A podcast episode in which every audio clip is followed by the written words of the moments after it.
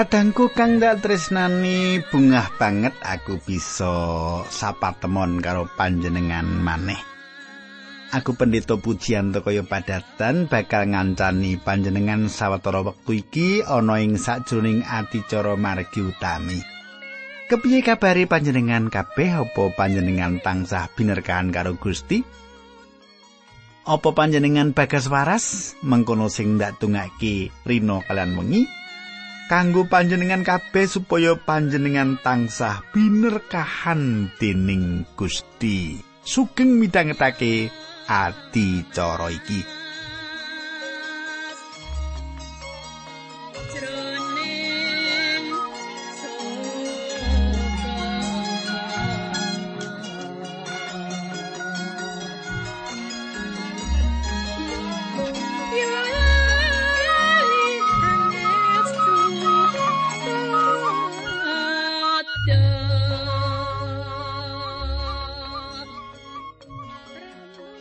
Kadangku kang dak tresnani tak suwun panjenengan isih kelingan apa sing ndak andharake nalika sapatemon kita kepungkur.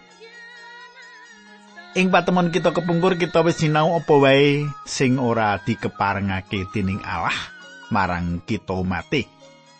Utamane bab sesambungan antarane wong lanang lan wadon ing tengah-tengahing keluarga. Bab hubungan seksual ing antarane keluarga. Sedulur sabapa ibu, ibu kualon, sedulur kualon, kewan lan liya-liyani.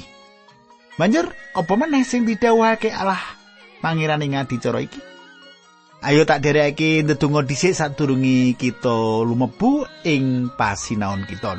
Nanging aku ngaturake salam dhisik marang Ibu Wiwi Sugiati. Ibu Wi Sugiyati kados pundi kabaripun? Anggenipun mulang sae-sae to Ibu? Gitu panjenengan ketinggalipun repot mulai mulangi.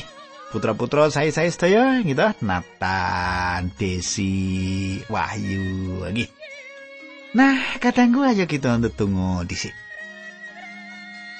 Duh Kanjeng Rama ingkang ada dampar wonten kraton ing kasuwargan kawula ngaturaken gunging panuwun Menawi wekdal menika kawula saged tetunggilan malih kalian sederek-sederek kawula ingkang setya tuhu midhangetaken adicara menika.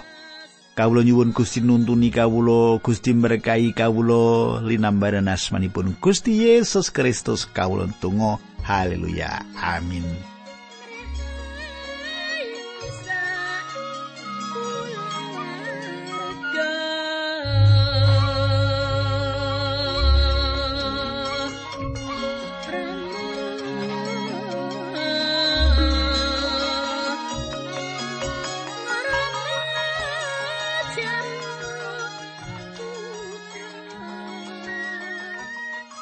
Kadangku kang ndak tresnani, kita saiki ngancik ing kitab Kaimaman bab 19. Kita saiki ngancik kitab Kaimaman bab 19 utawa pasal 19. Pasal iki banget migunani kanggo nuntun urip sakbutuhe bangsa Israel. Saiki coba panjenengan katekake ayat siji lan loro nuli mengko kita sinau ayat-ayat sak banjuri. Monggo diwaos. Ayat siji lan loro. Gusti Allah utusan Musa ndawuhake marang bangsa Israel mengkene, "Kowe padha disuci mergo aku Allahmu suci." Katengku Gusti Allah ngersakake urip kita suci. Kenapa jalaran panjenengane iku moho suci sakwetahe. Nek kita nyemak apa sing ditulis siji Petrus siji ayat 13 lan 14, mulo coba panjenengan semak, mulane padha pikiran apa sing arep kok tindakake? Diwaspada lan ngemongno padha ngarep-arep marang berkah sing bakal diparingake marang kowe. Semongso Gusti Yesus rawuh. Ayat 14 Padha bangun truto marang Gusti Allah lan aja nuruti hawa nepsu sing ngereh uripmu kaya dek biyen nalika kuwi isih padha budhu. Ayat 15 lan 16. malah padha disuci ing sadingah perkara sing kok lakoni sakjroning uripmu kaya dene Gusti Allah kang nimbali kowe iya suci ing kitab suci katulis padha disuci awit aku iki suci kadangku kang dak tresnani wong pracaya wis ora kacancang dening aturane hukum Taurat kaya dek jamane anak putune Bapa Adam nalika semono nanging kita kadangku wis karengkuh wis karangkul kanthi kenceng ing sadroning katresnane Sang Kristus Yesus.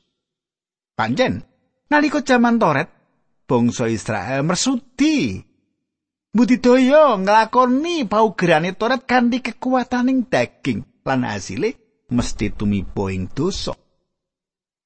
Nanging yen kita, yen kita panjenengan anakku diparingi kekuatan ana ing sih rahmate Allah kanthi pitulungane Sang Roh Suci yo Roh Suci kuwi roe Allah piyambak bedane sing baku antarane urip ing paugerane Torat lan ana ing sih rahmat yaiku uripe wong pracaya sing wis dewasa lan duweni wewatekan sing kepingin maju tata kasukmane nuli kapitulungan dening panguasane Sang Roh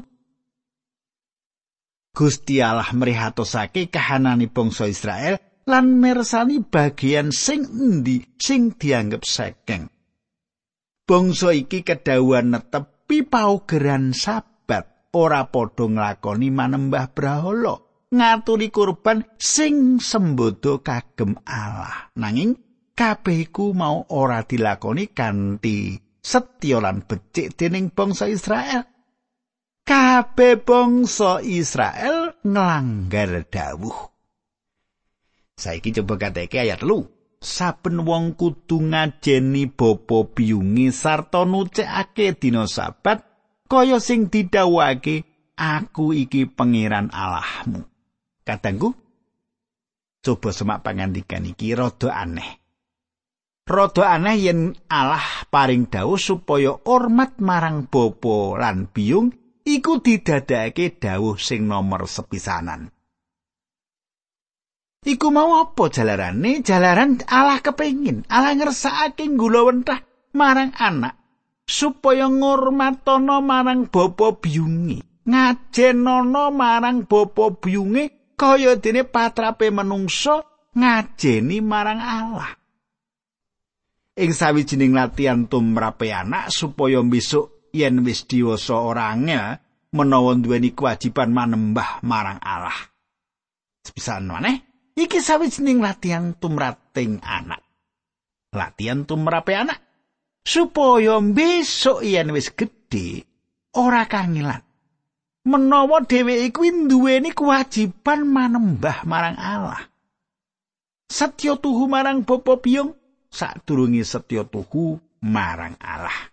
Sabanjure Gusti Allah ngersakake bangsa Israel netepi aturane dina sabat. Aturan sing didhawuhake iku mau bagian sing wigati saka ing dosa titah. Loro-loro ini ngandut kewajiban, kewajibane menungso lan kewajibane Allah pribadi. Gusti Yesus ngringkes paugeran mau dadi loro yaiku tresno marang Allah lan tresno marang sak pepadani. paugeran sabat ora ana isine sing sifat moral nanging perintah dawe Allah sing ora bisa dibantah dening bangsa Israel. Jalaran kahanane bangsa Israel nggugu karepe dhewe, mula ing tataran dawe Allah sing loro cacah iku bangsa Israel ora bisa netepi kewajibane, malah ora gelem nglakoni paugeran sabat. Saiki kita waca ayat papat kaimaman 19. Kowe aja nyingkur marang aku lan nyembah marang brahala-brahala. Aja gawe lan nyembah brahala saka barang pelian. Aku iki pangeran Allahmu. Katangku, dasar dawe Allah. Israel, bangsa iki ora keparang maneh manembah marang brahala. Apa maneh gawe brahala. Saiki kaimaman bab 19 ayat 5 nganti 8 mengkini surasani. Yen kowe saos kurban keselamatan kudu manut pernatan sing ndak tetepake. Daginge kewan kudu dipangan tunggal dina karo nggone nyembelih utawa isuin, daging sing isih turah ing dina katrune kudu diobong. Mergo daging mau najis, yen meksa dipangan kurbane ndak tampik. Sopo sing mangan daging mau kuwi keluputan, mergo nganggep daging sing wis dipeting kanggo aku kaya daging lumrah. Wong mau kudu disebratake saka umat Israel. Katangku ayat-ayat iki ora ana sing anyar. Wis padha kita ngerteni, ya toh? Sing perlu dieling-eling yen korban kawilujengan kudu kaaturake marang Allah kanthi lilo legawa. Senajan korban iki sipate kanthi sukarila, nanging dasare urip ing kayekten ora bisa dipisahake karo sing ngaturake korban mau. Ing wektu iki ana para pelados ing pakaryane Gusti Allah sing padha nindakake peladosan mau kanthi carane dhewe. Malah bisa uga ora dilakoni dening wong liyane. Ana uga sing jalaran ngaturi pisungsung sing gedhe ing gereja kepengin entuk kawigaten luwih tinimbang anggota pesamuan liyane. Coba panjenengan persani, kabeh pisungsung kudu diaturake kanthi legawane ngati. Aja ana pamrih-pamrih ora ana pamrih apa-apa kudu resik. Aja kok mung pamer aja kok mung kepengin supaya dialembono supaya diajeni gereja eh, kuwi wis wis ora jaman iki. Iya nah mung perinciane atur korban kudu ditindakake kanthi titik Nalika arep nyaosake kurban kita kudu wis nata kabeh syarat sing ditemtokake dening Gusti Allah. Yen ana sing kliwatan utawa ora cocok karo aturane mesti bakal nampa paukuman. Iki kabeh tumuju marang kabeciane bangsa Israel dhewe. Iki paugeran sing disebut hukum positif. Gusti Allah ngendika yen arep nindakake atur kurban tumindak kanthi titilan bener. Kita ora bisa kondo yen nggon kita ngladosi Allah iku kanthi suka lilo lan suka rena yen samu barang sing kita duweni ora kabeh dicaosake marang Allah. Saben wong sing keset ing pakaryane Gusti mesti bakal nampa pengadilan. Kita ora bisa matur marang Allah nalika ngaturi kurban kanthi sukarna mongko kita tumindake ora bener. Saiki coba kita waca ayat 9 nganti 10 mengkene surasane. Yen kowe drep aja ngeneni gandum sing ana ing pinggir lan aja ngasak gandum sing kliwatan. Kowe aja bali menyang kebon anggurmu nglumpukake woh anggur sing kececer. Kuwi dadi pandumane wong miskin lan wong monco. Aku iki pangeran Allahmu. Kadangku iki sawijining gambaran yen Allah melu Allah ngatekake marang kagungane utawa marang para wong melarat. Gusti Allah ora kepareng marang wong sing mung sangga wang wae tanpa duweni krentek nyambut gawe, mung nadake tangan pawewe negara.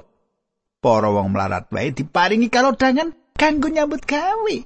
Hasil tetanen sing kecer ing dalan lan keri ing pategaran ora kena dijupuki maneh. Jalaran apa? Jalaran iku disediakake kanggo wong melarat.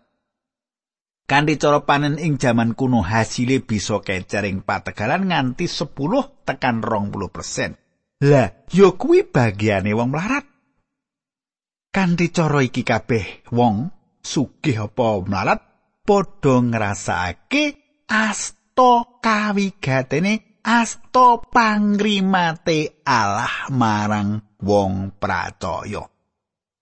Hane panjenengan dadi wong suke-suke duit karo wong miskin wis ora tau merduli. Malah kala-kala malah ngadili ya wong keset ngono wong mulane melarat. Lho. Kadangku kita padha-padha titah ning beda-beda jinatah. Nek panjenengan jinatah gedhe, jinatah suke, aja lali karo sing melarat. Panjenengan diberkahi Gusti Allah diberkahi karo adicara iki. Ya bisungsung to karo Pak Pujianto. Nah.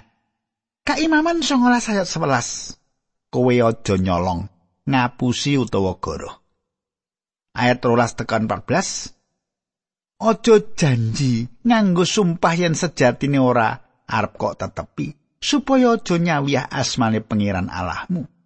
Kowe ora kena meres pepadamu utawa ngerampas barangi opae buruhmu aja kok candhet senadan mung sedina wae. Kowe ora kena ngujar-ujari wong budhek lan aja masang sandungan ing ngarepe wong wuta sing marakake wong mau kesandung. Kowe kudu wedi karo Allah. Aku iki pangeran Allahmu.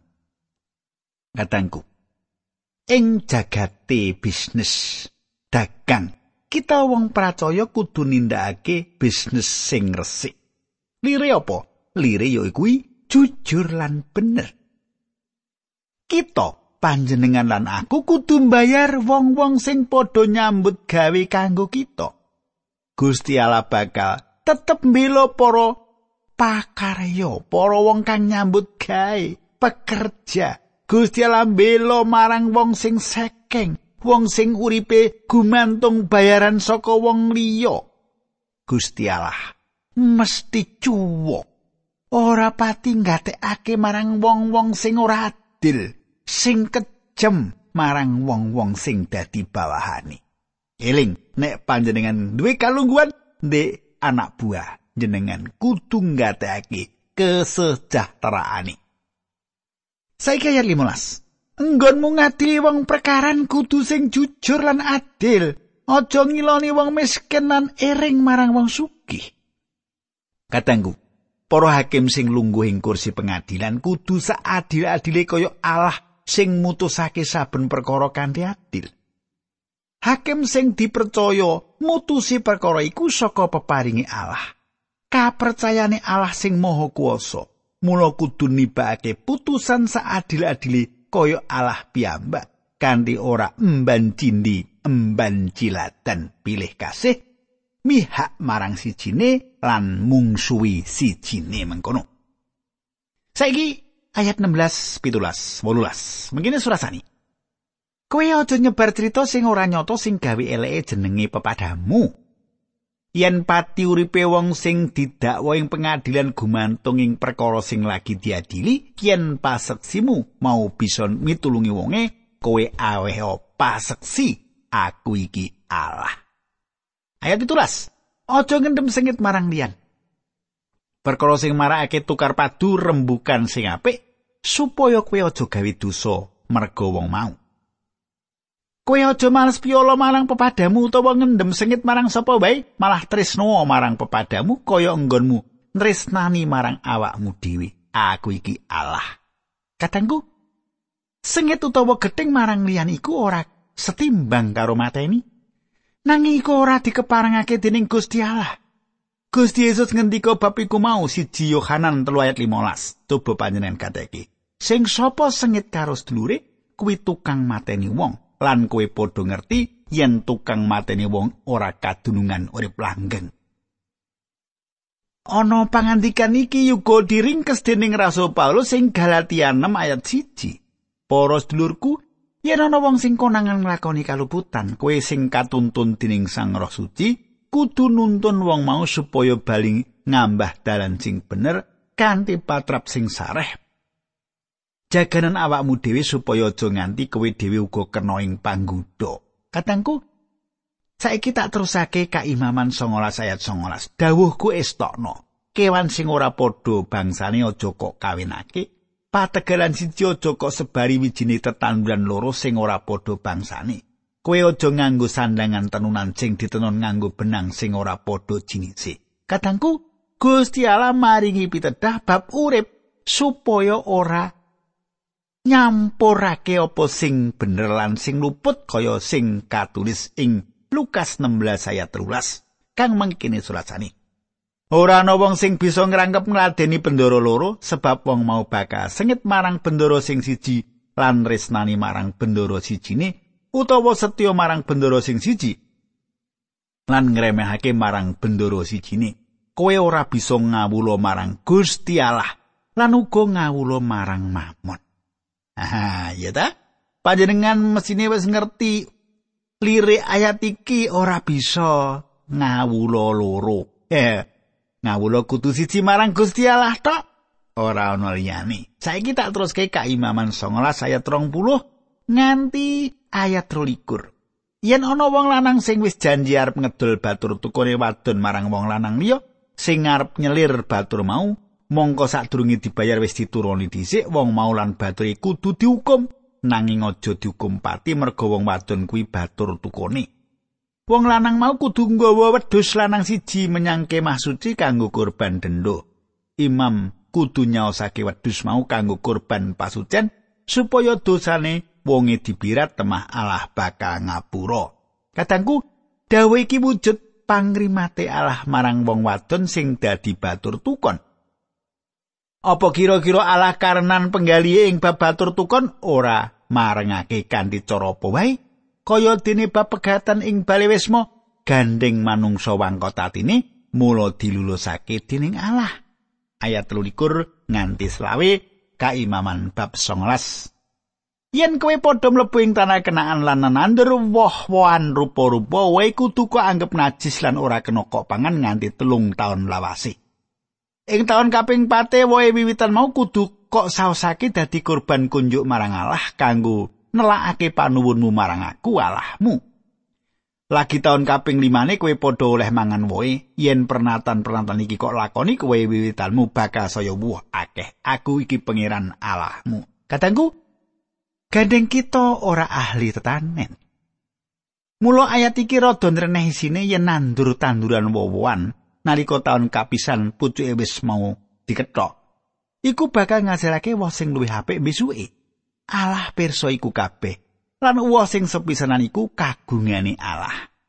Saiki ayat 6 nganti ayat 8 Kowe ora kena mangan daging sing isih ana getihe. Kowe ora kena nindakake ngelmu tenung lan petungan rupa apa wae. Rambutmu ora kena kok petek utawa kok kuncung. Kowe ora kena nyukur jenggotmu. Kowe ora kena natoni kulitmu karo digambari tondo-tondo tuwa dipinggeti kanggo pangiling-iling marang wong mati. Aku iki pangeran Allahmu. Kadangku kang dak tresnani ana nem dawuh ing ayat iki sing isine Allah ora kepareng. Awit cara sing didhawuhake mau kabeh dadi tata carane wong sing padha ora kenal marang Allah. Yen nganti wong Israel tumindak kaya iku mau padha karo tumindake wong sing ora percaya marang panjenengane Allah. Saiki kaimaman bab 19 ayat 29 mengkini. Kowe ora kena najisake anakmu wadon kok dadekake wanita tuna susila ing papan panyembahan brahala. Sero tindak mengkono kowe padha melu nyembah brahara lan marakake wong sak negara padha laku jino. Kaimaman 19 ayat 30 padha netepono pernatane sabat lan ngurmatono pedalamanku aku iki Allah. Katengku dina sabat bisa kanggo ukuran sesambungan antarane Allah lan Israel. Mula kudu dilakoni kanthi setya tuhu dening bangsa Israel iki. Saiki kitab kaimaman 19 ayat 30 nganti 31 mangkini. Padha netepono pernatane sabat lan ngurmatono pedalamanku aku iki Allah. Katangku, dina sabat bisa kanggo ukuran sesambungan antarane Allah lan Israel. Mula mau tak aturake iki dina iki peraturan iki kudu dilakoni kanthi setya dening bangsa Israel. ayat 31 kowe ora kena njaluk pamrayoga karo dukun utawa sadingah wong sing lelayanan karo roe wong mati yen kowe nindakake sing mengkono kowe bakal dadi najis. Aku iki pangeran Allahmu. Kadangku spiritisme lan demonisme percaya roh lan setan-setan ora dikeparengake dening Allah. Percaya ing kene? Sumende gumantung. Kaimaman 19 ayat 32 nganti 36 tak wacake secara urutan. Kowe kudu ngajeni marang wong sing akeh umure padha wedya marang Allah panjenengane kurmatono mergo aku iki Allahmu. Wong manca sing ana ing tengahmu aja kok sia-sia. Wong-wong mau anggepen kaya bangsamu dhewe lan tresnanono kaya enggonmu tresnani marang awakmu dhewe. Elinga yen kowe dhewe biyen ya tau dadi wong manca ing tanah Mesir, aku iki pangeran Allahmu. Kowe ora kena ngapusi wong liya srana migunakake piranti palsu dadi sing kanggo ngukur iya sing kanggo nimbang utawa kanggo naker. Piranti sing kanggo ngukur nimbang lan naker kudu sing cocok aku iki wah Allahmu kang wis ngirit lakumu saka tanah Mesir. Kadangku kang dak tresnani dol tinuku kudu ditindakake kanthi jujur. Timbangan ora dikeparangake dipalsokake ukurane. Wong Kristen kudu nindakake apa sing bener, sing jujur lan sing murni atine sebab saka kono kita bisa dadi paksesine Allah sing maha adil. Kaimaman 19 ayat 37. Sake angger-angger lan pepakonku padha tetep ana. Aku iki Allahmu. Kadangku ganti nyebutake asmolan panguasane, kita kudu nindakake apa wae kersane supaya urip kita iki kaberkahan. Amin. Ayo kita ndedonga sesarengan. Kanjeng Rama matur nuwun. Matur nuwun sedaya sabda pangandikan paduka ingkang muwuhi pangertosan kawula babakan kasukman. Kawula nyuwun supados kanthi kawruh-kawruh menika saged kula trapaken wonten ing lampah gesang kawula. Dinambaran asmanipun Gusti Yesus Kristus kawula tunggu. Haleluya. Amin.